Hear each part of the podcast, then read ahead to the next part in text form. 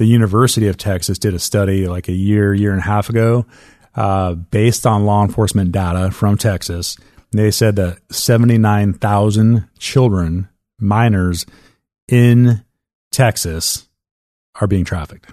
On the 53rd episode of Passion in Progress, eliminating human trafficking in the United States with Deliver Fund, I was invited to conduct this interview in Dallas, Texas, and upon entering the headquarters of Deliver Fund, I was handed this brochure. And turning to page 4, there's this title labeled The Problem in the US. Let me just give you the stats that I read from that page. Every 2.5 hours, a child is taken by human traffickers.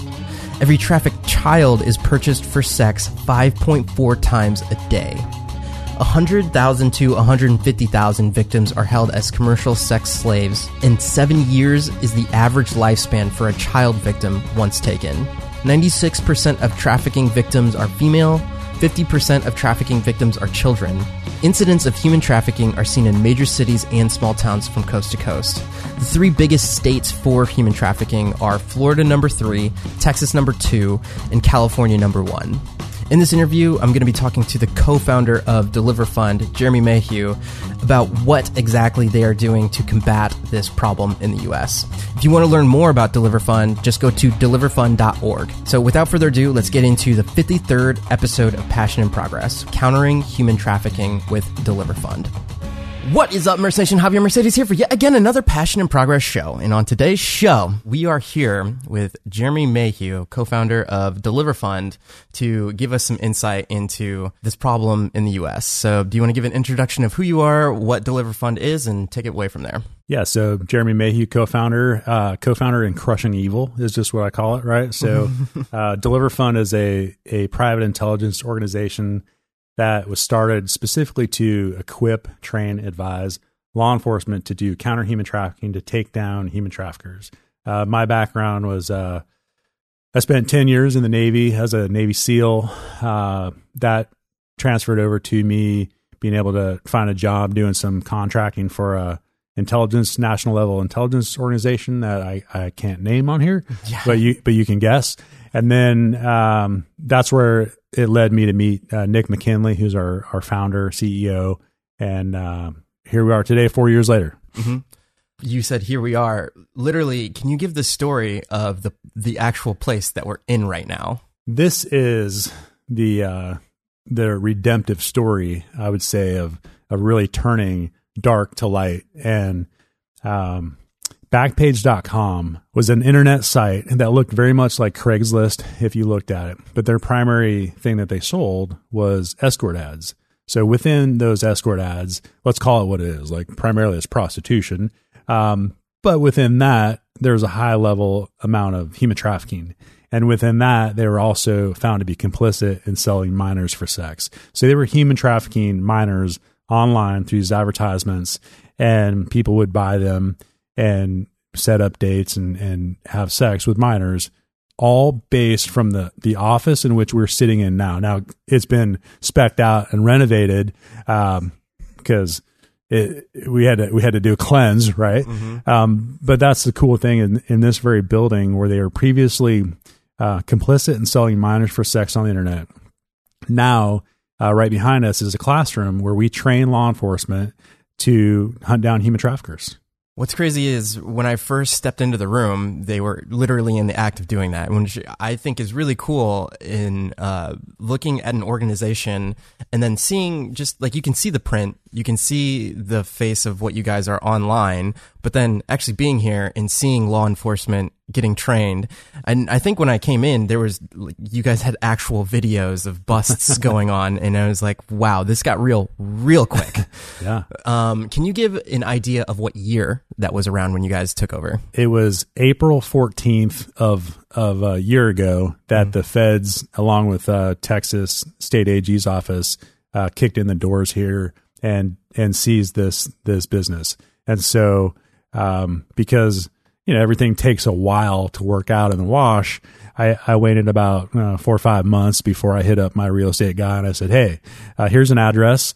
Can you tell me if there's a, a vacant office space in this uh, this address?" And he said, "I'll get back to you." Sure enough, it's actually a friend of mine. He worked for the uh, played for the Cowboys. Uh, mm-hmm. Guy named Chad Hennings, and so Chad with uh, Rubic- Rubicon representation got right back to me and said, "Yeah, you bet. It's uh, sure enough, there's vacant space in there." And I said, "Well, here's why. This is why it's important. This is this is the story." And he said, "Brother, I'm I'm in. Like, let's make it happen." so we spent a few months negotiating the lease down. Uh, we moved in. I think it was the very end of February this year. Uh, we are as a nonprofit. We're four years into this. Um, clearly, we started working the issue prior to to that. So, but four years as a 501c3, and here we are taking over the the office space of Backpage, which again, Deliver Fund was a primary intelligence source to not only the feds but Homeland Security as well as three state AG's offices. So it's just uh, it's just a really uh, like I said, a, a redemptive story. A story. Uh, we're taking this space that that was uh, it, it, to put it in perspective, they were making forty million dollars a year easily selling these ads, right? Because of that, I mean, we, we didn't take over the entire space, uh, but we took over a, a large footprint here. So Let, us get into why. Why are there organizations that are necessary, like Deliver Fund? Why is Deliver Fund necessary? Yeah, yeah. yeah. That's a that's a question that is kind of what plagued me from the beginning because uh, when Nick sat me down and said, a couple years before we started Deliver Fund, he said, This is what I'm trying to do.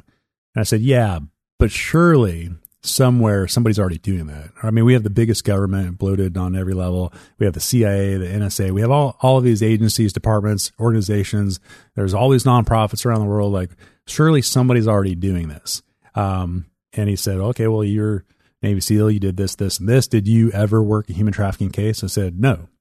But surely somebody is, right? Like, surely and as we looked deep into it, we realized that nobody had brought the capability that's a repeatable, scalable model to crush this illicit market. And we've fought other illicit markets around the world and very successfully.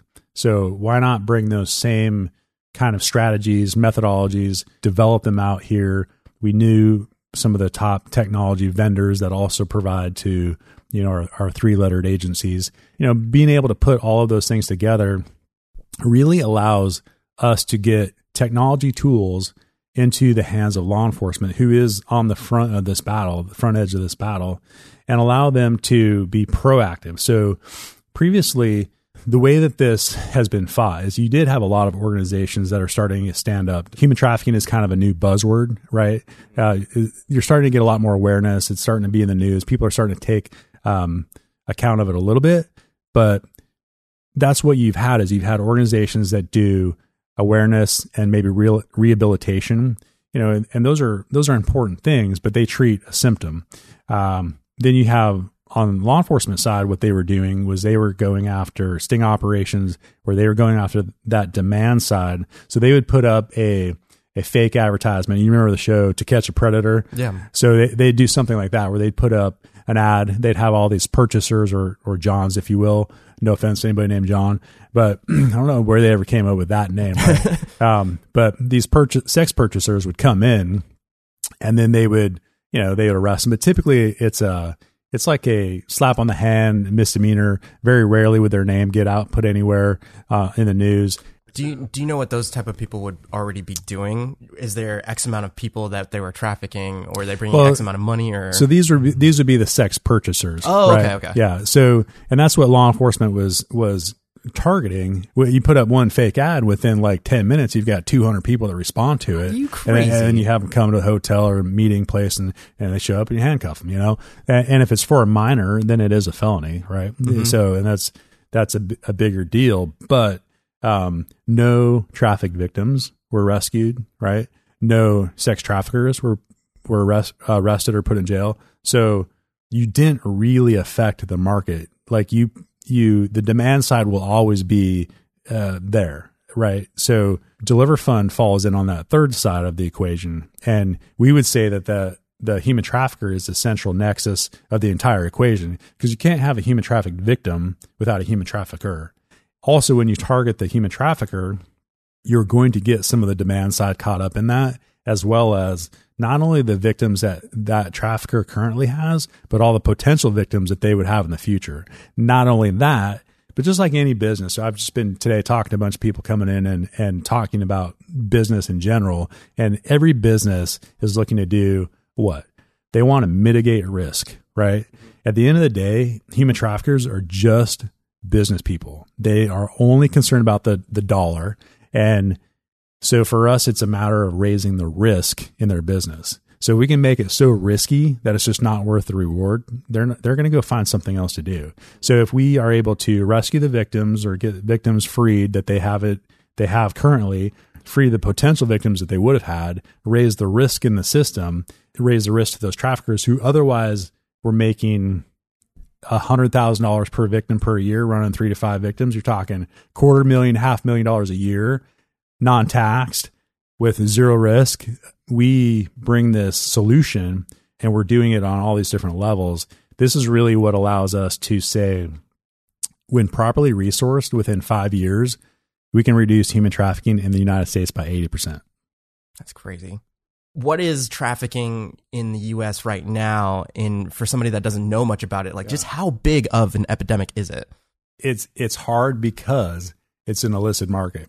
So how do you get good good statistics on an illicit market, right? Mm-hmm. Um, there's a lot of statistics that are out there, and I think some of them have been extrapolated from nonprofits who are trying to raise money, and so mm-hmm. some of them even get kind of a bad rap.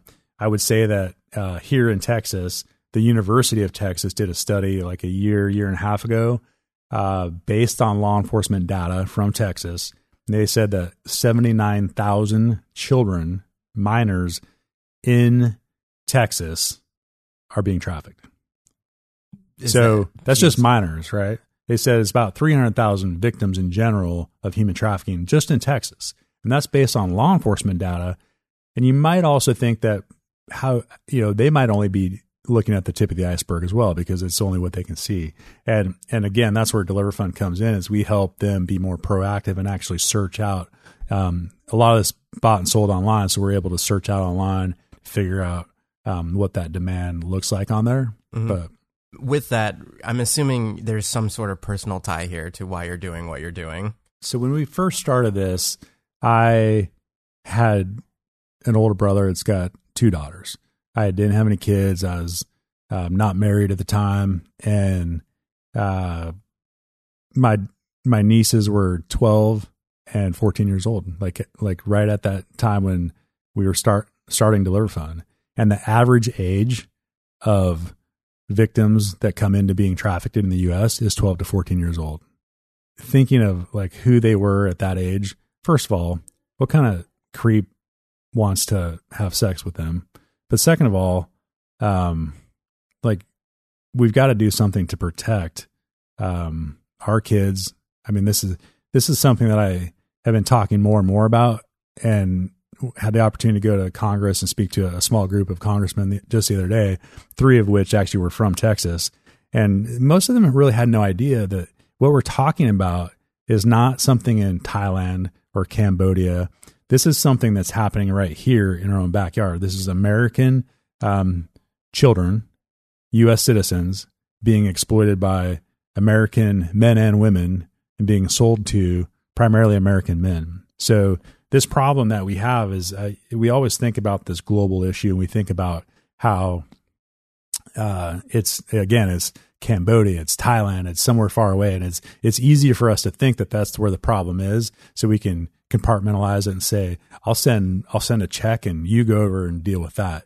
What we don't realize is one, I mean, we realize, but those governments are super corrupt. So even the stuff that's happening over there, it's a lot of in the front door, out the back door kind of stuff. Mm-hmm. Um, but it's the like I said, I think before it's the American dollar and it's the American male that drives human trafficking around the world. And so why not attack that here really at the source first? And if we can do that here, it has a ripple effect globally. But um but getting changing the narrative so that people understand like yeah, there's a lot of debate about the wall right now. Should we have a wall? Should we not have a wall? I mean, everybody supported the wall until it became political. Then half people decided they didn't support it anymore. I don't know. Mm-hmm. No matter what your take on that is, um, is there human smuggling and human trafficking happening there? Yes. But is that like the the main side of this message? Absolutely no. Like like the majority of human trafficking happening in the US is again it's American um, citizens being exploited by American citizens.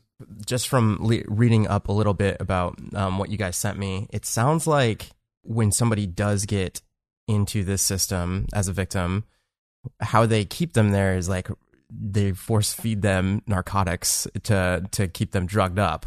Yeah, there's a, there's all kinds of emo- emotional hooks, manipulation, and uh, clearly they call heroin the leash for Mhm. a reason. For a reason, right? Mm-hmm. Um, because uh, if you're addicted to heroin, you'll do anything. You'll do anything for that next um, that next fix. So oftentimes that's what traffickers use. hmm The other thing with that was like the life expectancy after they get into the system. It's like seven point four years or something Yeah. like that. Yeah. Ugh. seven seven years and so um man i i uh we we've talked to victims who say it's not uncommon to be sold 6 to 20 times a day. And the other thing i would mention about that too is even those victims said you know the the people who were buying them had no idea that they were a human trafficking victim. You know they thought that they were a prostitute. So i mean that's one thing i'd put out there for for your audience too is Mhm. like um, if you think that you're just purchasing um, sex because it's and you just think that it's prostitute um, you might think again because about 90% of prostitution either is currently human trafficking or at some time that girl has been trafficked. Like that girl didn't just grow up thinking i'm going to sell my body for sex. Like there's a, a lot of things either from i mean specifically from childhood typically that that got that person to that point. Um, but the definition of human trafficking being based on force, fraud, or coercion. Mhm. And uh, but there's all these emotional hooks, and you really have two kinds of human traffickers. You have a trafficker who we would call a Romeo pimp trafficker, operates a little bit more on like a Stockholm syndrome kind of scenario, Yeah. where they, you know, if you really love me, you do this for me. If you really love me, you'll have sex with these people, and then it just kind of expands out from there. Um, but of course, the pimp traffickers keeping all the profits as well. Uh, and the other side is you have what we call a gorilla pimp trafficker. So- And, and the gorilla is clearly fear fear based, right? So everything is about like, you know, if you don't do this, like I'm going to murder you, I'm going to murder your family, um, things like that. And uh, so, I mean, when you look at these girls that have a a seven year lifespan, um, I mean, these guys are just pure evil, and and with that seven years, they really are are getting used up. And if you can imagine a girl who's twelve to fourteen year twelve to fourteen years old who comes into being trafficked, um, you know, seven years later, I mean, she's she's so young still at that point, but she's she's used up to the trafficker. We had a case recently where we had a girl that was on the street uh, on drugs, pretty much incoherent. She was doing sex acts just to survive and just to get drugs. Um, she wasn't even of use to a trafficker at that point. The traffickers had discarded her, and it was probably just a matter of time before she OD'd herself. Jeez. And it sounds in what you just said about um they might kill the family and everything. I think in one of the references you were talking, or in in one of the references, it talks about how one of the people was tricked into the situation because they were going to kill either the daughter or like something like that, where it was like another family member was quote unquote held hostage. And in that situation, it sounds like uh, the option of even going to the police is kind of out of the question.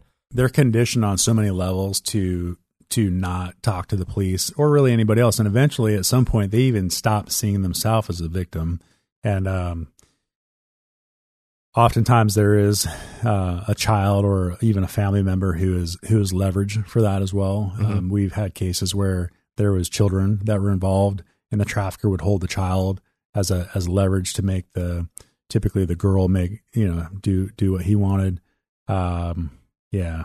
in what you guys are doing right now, what are some of like the other questions that you get from people that are coming that maybe um, giving you guys funds? And is there any other criticisms criticisms that you guys see from like the operation that you guys do? Is there like what's some of the things that might hold back people from donating? I was I'm always curious like you know when I'm talking to people like what is what is the thing that is the, their reservation because Mm-hmm. I'm always like if you're not part of the solution on this one you're probably part of the problem and maybe we should take a closer look at you right? If, if you're not watching, if you're not watching this online right now and just listening, even the way that he's making eye contact is like, yeah, I'm kind of scared right now. yeah so I mean uh, for us it's um, again primarily what we do is uh, equipping training uh, and advising law enforcement so we're we're filling the gap so that they can go out and do their job because it is their job to go out and rescue victims it is their job to arrest and prosecute and hold accountable these traffickers. So uh, typically they're not funded to the tune in which they need to be.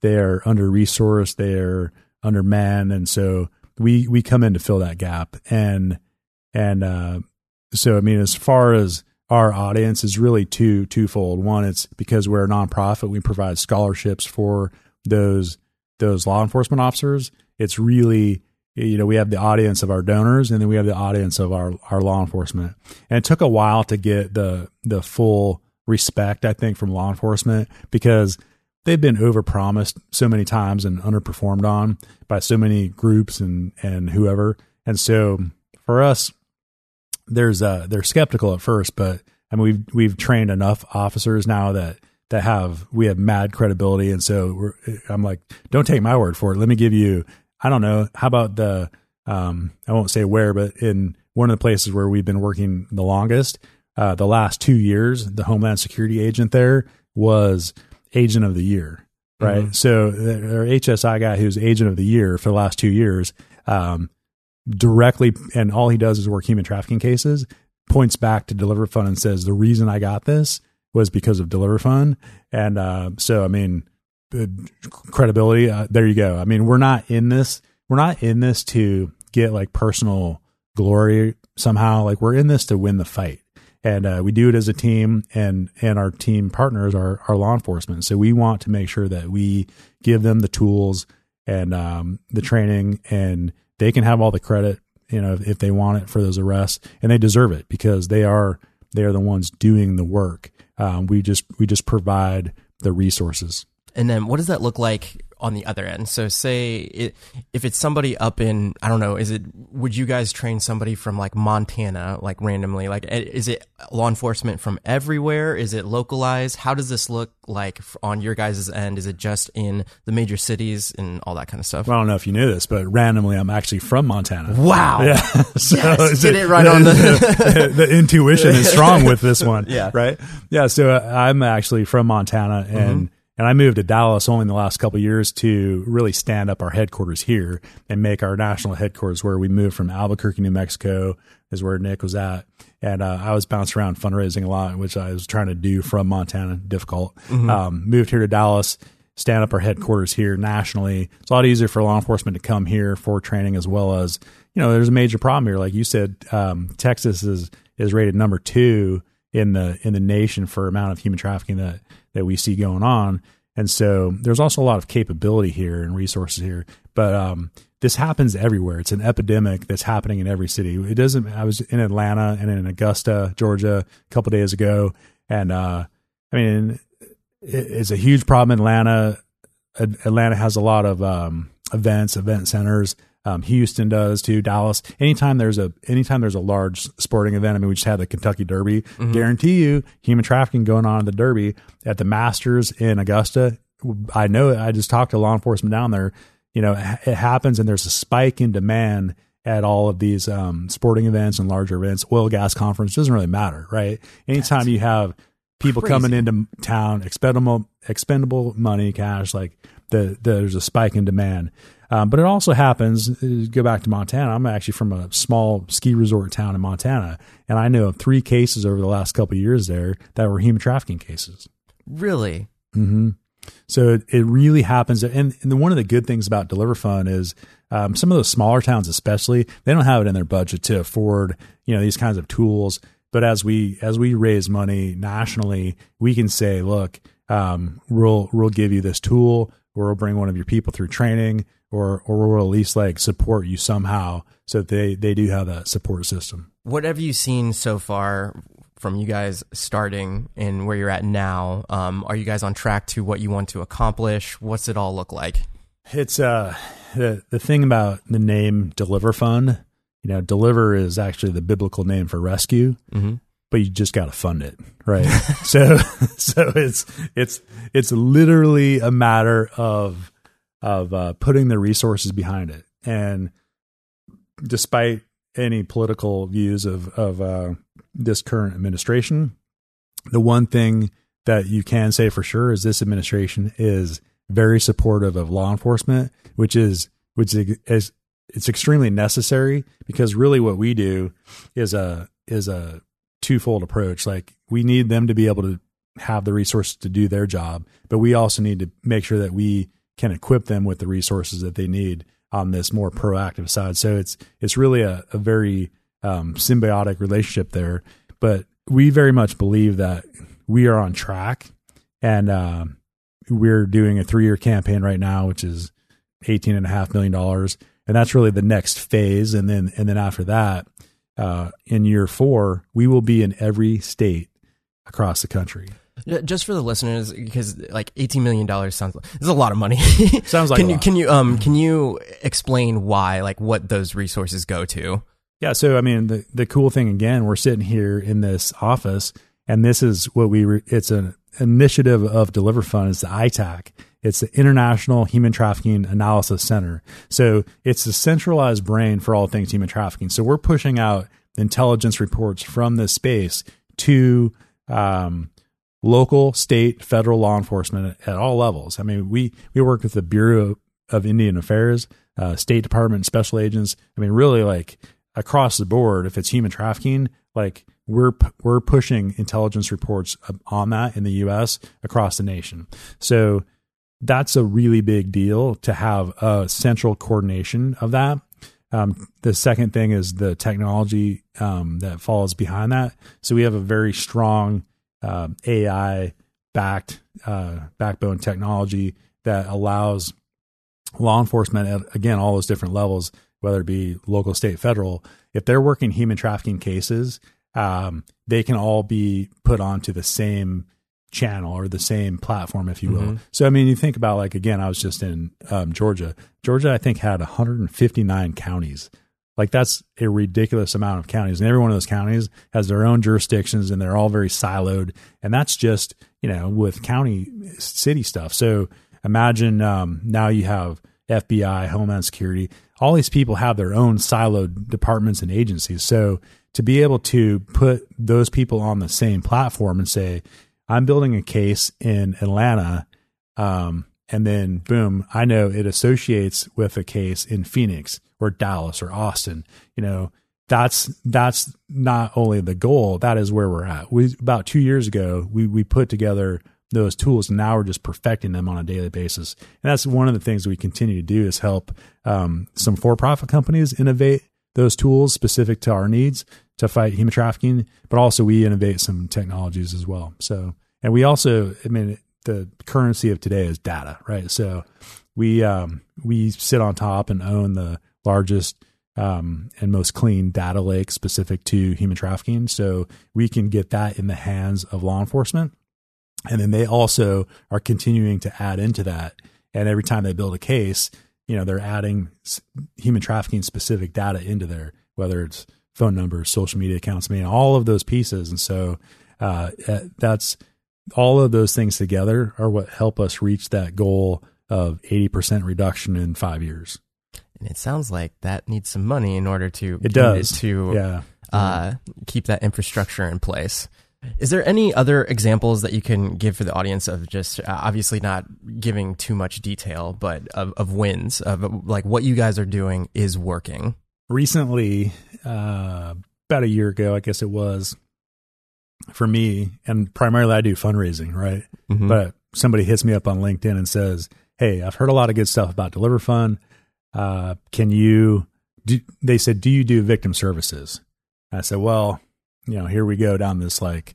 I'm like, technically, we don't really do victim services. For the most part, we equip, train, advise law enforcement. Um, what is, what exactly is it that you need? They said, "Well, we have a girl who we had worked with um, previously doing some victim services, and this lady was in New York City. She said this girl's in Tulsa. She's been re-trafficked. She fell in with some bad crowd, got re-trafficked. Her trafficker has her somewhere between Tulsa and she thinks she's headed towards Dallas.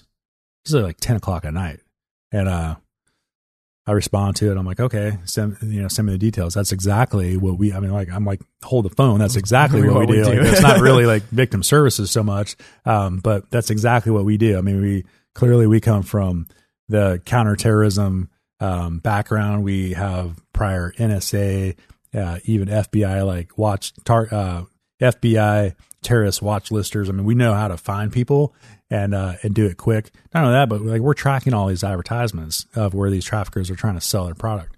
So within 18 hours, we were able to have three of our targeters independently verify where this girl was.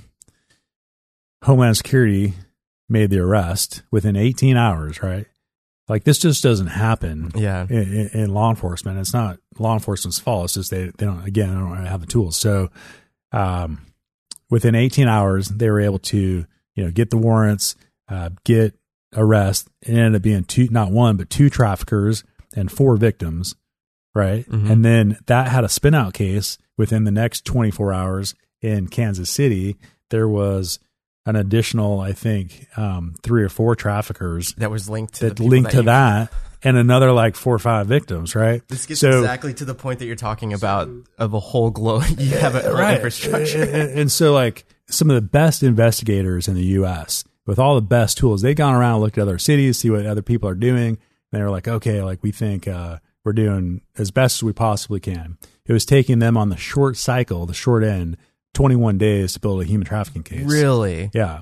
I mean, because it's a, it's a process and you've got to go through all the stuff. So, um, what we're doing here in this classroom, the technology that we're bringing, the methodology, this target centric methodology, all of the, again, the, the technology platform with the database, all of this is, is taking that down to amount of hours. Like the case I just told you where it was 18 hours and we had, we had identified them. They were able to make those arrests, get warrants, all that. So that's really important. If you are a sex traffic victim and you are being sold um, in one city and by the time law enforcement typically was able to get a warrant and to come and and try and get to you you're already in another city right? And it just starts over and over. So we are giving that capability for law enforcement to um, be proactive and get a, a, ahead of it. And it sounds like because of the database that you have, they're able to make those, and I'm assuming here, but they're able to make those arrests because there's already a case built against wh- whoever they're arresting. Yeah, for sure. So to to give one more example about like how important this training is right here. When we were running this in New Mexico, we had an officer from um, Santa Barbara, and so they were building a case, and they said uh, they're just learning the tools in class. You know, at the time it was a ten day class, and they're like on day four, and they're like learning the tools, and they're like, you know, I, I've got this case built because he's building a case in his own jurisdiction, and we said, cool, yeah, get a warrant right? Yeah. you're, you're the cop. Like, what's your next step? He did. He goes back to his hotel room, drops a warrant, and the next day, um, the sheriff's department goes and arrests this guy in Santa Barbara, and the girl that he was selling was had just turned 18. Well, the thing about that is, yeah, so she's no longer a minor. So if you're a minor, you're not legally old enough to make um, the choice to be um, to be a prostitute, right? Mhm. So so it's automatic human trafficking case. Um, whereas if you're not a minor, then they have to like prove it, and so it's a little bit more difficult. So with her, they're like, okay, well, she just turned 18. However, we have all the historical data that she that he'd been selling her over the past year. So boom, slam dunk, human trafficking case. Way easier to prosecute. Not only that, but the sheriff said this is like having all of your homework done before you go and even make an arrest. And that is also the reason why we the cases that we've been involved with, we have a hundred percent conviction rate. That's crazy. Yeah. Would you be able to know how many, like in a in a year or something, just like some round number? I wish that we had a little bit better insight into that. Like, uh, you know, I would say in the past few years, we've we've had that we've been associated with probably um, more than 100 cases of uh, with traffickers. Can you can you explain why it's hard to gauge that though? Yeah, for example, like if we give a case that is um, that has a minor in it to say the FBI, legally the FBI cannot report back to us on that case. Like we might see it pop up in the news, you know, but sometimes it's it's a long process for that to happen. Plus, we're only four years old. One of the first cases that we did, um, this guy was horrible, horrible case. Um, but bottom bottom line of it was he got arrested and convicted, but it took um, it took almost a year for him to get uh, sentenced. Right. So I mean, like it's a long the legal process is long and drawn out. Plus, there's certain privacy laws that you know we're we're a for profit company. Uh, we have really good relationships with a lot of law enforcement where they do pass um, information back and forth with us, um, but sometimes we don't even know about it. And ultimately, what we're doing here is we're we're making disciples. We're teaching these guys how to go fish and go out and, and plant their own um, units that are doing good work. And we may not, we it may be like two years later, and we hear about like, hey, they they made like thirty arrests. Like that's awesome. We didn't even know about that. You know, sometimes they they like to send us like the news link and be like, hey, check out this guy we got. Yeah. Um, and that's good. But um, and then we also work some of those cases where they they sometimes reach back to us for help. And on the advised side, we do we uh, we help build cases um, wherever they need help. Uh, but that's Yeah. yeah, it's it's it's hard to know. It's hard to know exactly how many um, victims there are as well because you don't necessarily you don't necessarily have all those victims like being held at one time in the same place and so i mean it's just a you know it's it's not super straight line math Yeah, and that and it sounds a lot like there's a butterfly effect there. Like say you took down one person, but that person may have had a whole infrastructure or network of wherever and then you don't even know like the the end number of people that you have saved in the in the long run. one of the things that i was trying to point out is like one you raise the risk in the market which makes bad guys think about going to do some other kind of bad activity you know because now if they do this they're going to get caught and held accountable. Um, so maybe go back to selling guns or drugs. Great. Um, we have agencies for that. You also are getting the potential victims that that trafficker would have freed right? So while they may only have three victims today um, maybe they had 10 in the past 10 years, right? Or w- over X amount of time, they had so many victims um, that they've owned literally as slaves. Um, but also in the future, left unchecked, they would continue to do that, right? And like I said, if the lifespan's seven years, I mean, they're just going to continue to to roll in new product and use it up, and then and then discard it. So you're you're literally fixing a problem that is um, having an impact that does have that ripple effect into not just the victims that you see that day, but potential victims that you would that they would see, and the other traffickers around that say, "I'm not going to do this either because I'm going to get caught and held accountable." So you raise that risk to all those potential victims of all those potential traffickers. You know what I mean? Like it's It- it, it it's a huge ripple effect. hmm So where are you guys at right now in terms of raising fund? You, and it sounds like you were uh, four years in. Yep, we're four years in. Uh, we just started this campaign uh, recently in the last, basically in January, and so here we are, four months or so down the road. We've raised uh, 1.6 or 1.7 million dollars towards that campaign. Yeah, so we've got about 17 million dollars to go. yeah, and you Yeah. want to? Was it seven years that you wanted to do it in? So, so this is uh it's fairly aggressive. I mean, for being as young as we are, but we are doing that campaign is for three years. It's uh 2019, 20, and 21 is what it funds, and then the 18 and a half million dollars funds those three years. Uh, with all the programs that we do as we continue to scale up, we're trying by the end of this year to actually have commitments on that. So we're getting a lot of people that will make commitments on like, hey, I'll do X amount for each year, and uh, so I think we're we're on the hook to do. I, I think we're gonna be pretty close by the end of this year. awesome. Yeah. So Uh, and you said scale up. So what does that look like? Do you want to have something like this facility in a bunch of cities? Do you want to have No. people have the opportunity to fly in and get the training and go out and do their thing?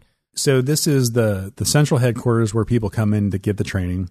We do some flyaway courses where we go and take our instructors and and go train people in other areas, other cities uh, as well. But pr- primarily they come here, and that's a it's a fairly expensive process, and and the technology has its cost. But I think, uh, yeah, we don't necessarily need buildings in every city, but we eventually will need a team, a small team of people there who are really interfacing with that local law enforcement. Um, but but primarily, it's our biggest costs are in training and equipping law enforcement. Um, beyond that, um, you know, having this this centralized headquarters here that's just pushing intelligence out to those law enforcement around the country is is really where it is. So as as we scale that, there's the the the concept is that kind of like in the world of terrorism, instead of chasing these bad guys around from country to country, city to city, um, you cast a net, right? And so uh, it's actually called uh, net methodology, and and you can you can just make a phone call and say, hey, we're we're tracking this guy, but he's coming to you, and he's coming to you. And so in three years from now, the goal is that we're working in every state, and uh, really into that year four, we have law enforcement at all levels in every state that we can that we can say, hey, um, you've got this guy that's coming from Austin and he's coming to Phoenix, and this is who he's got with him, and this is uh, you know the, the the whole package. And so no matter where they go, the net is cast. I love it because you already gave an example of how it works, Mhm. and and it did work. Uh, Absolutely. For anybody that is listening, what else would you want to say just to, um, I guess, invite them? Where where can people find uh, what you guys are doing? Um, do you accept donations online? How does that look? We're at deliverfund.org, right? That's our website. Uh, you can go on there to make donations on social media. We're, you know, at DeliverFund on pretty much everything. Mhm. Um, you can find me, Jeremy. It's usually Jeremy.mayhew at um, whatever.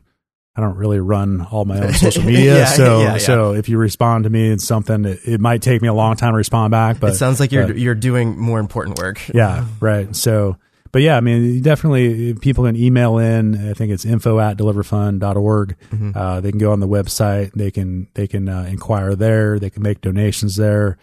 Um, definitely encourage people to follow us on social media. We're getting we're at that in this past twelve months. We've gotten a lot better at telling our story and getting it out there because we have a, a social media director who's awesome and she's she's really pushing that out. And so you can keep track of that. You can also um, sign up on our website for our newsletter. And we also put out a what we call Kevlar for kids. So if you're a parent and you want to protect your kids and see what kind of um, apps and different things are out there, you need to kind of keep an eye on, watch out, uh, security restrictions, all all those different things. Uh, we're, we're getting better at putting out that information, that content. So uh, definitely sign up for that newsletter, and it comes out monthly via email. Then uh, quarterly, we usually send it out in the US USPS. That does the Kevlar for Kids makes me wonder is what should parents look out for to to avoid um, any kind of situation like this. it happens where abduction is it's happening. Like the it, traffickers have gotten much more emboldened because um, the dollars are so great and the risk has been so low. So yes i think that um, kids are being abducted and and that is going up. But mostly the way it's been is is kids are getting lured in somehow. So i think eh, you know if you're a father it's really important that you have a good relationship especially if you have a daughter and just like that girl needs to know that she is she is loved. And she also needs to be taught that there's evil in the world there's bad people out there that are going to do bad things.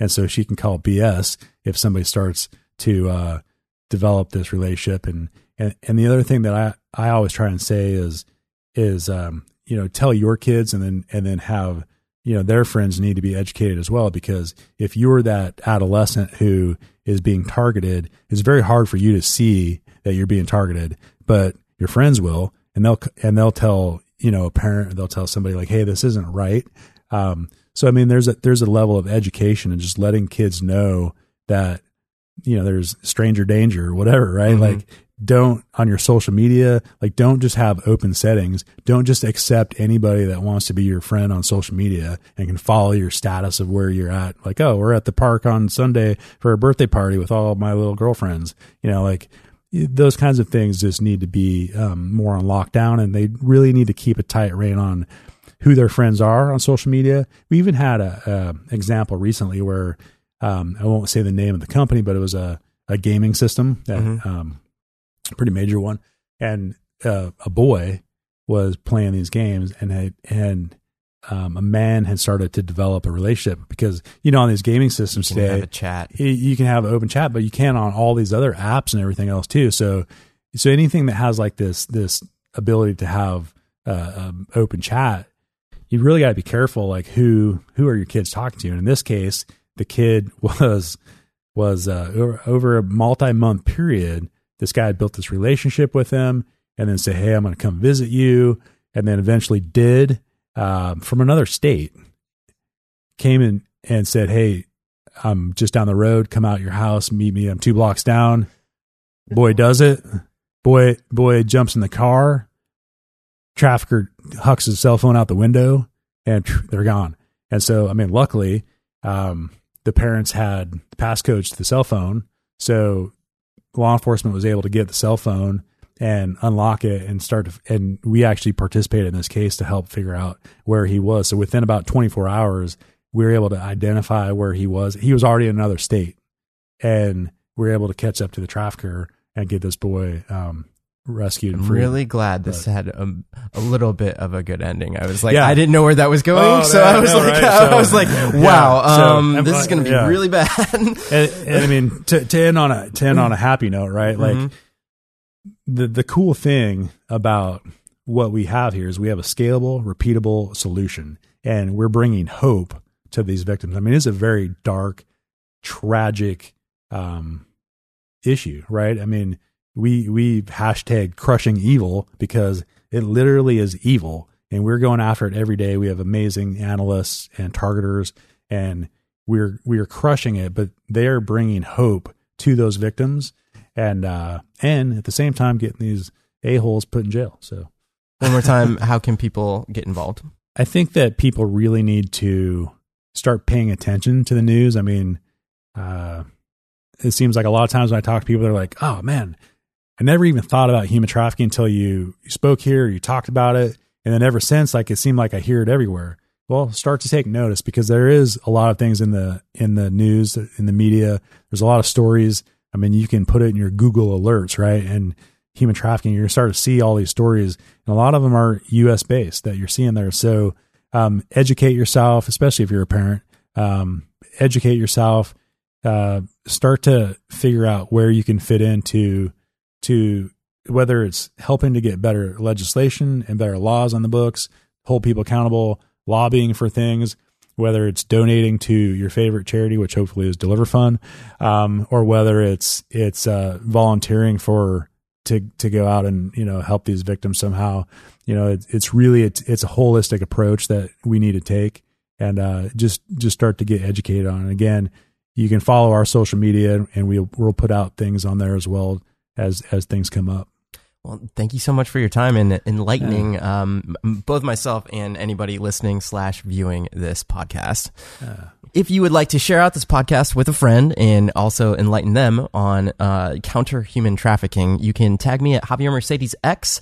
And if you also enjoyed this, you can leave me a review on iTunes.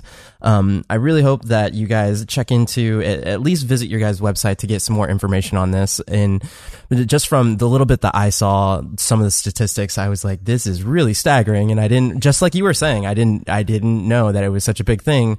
And then you start to catch notice of all of this stuff that is actually out there.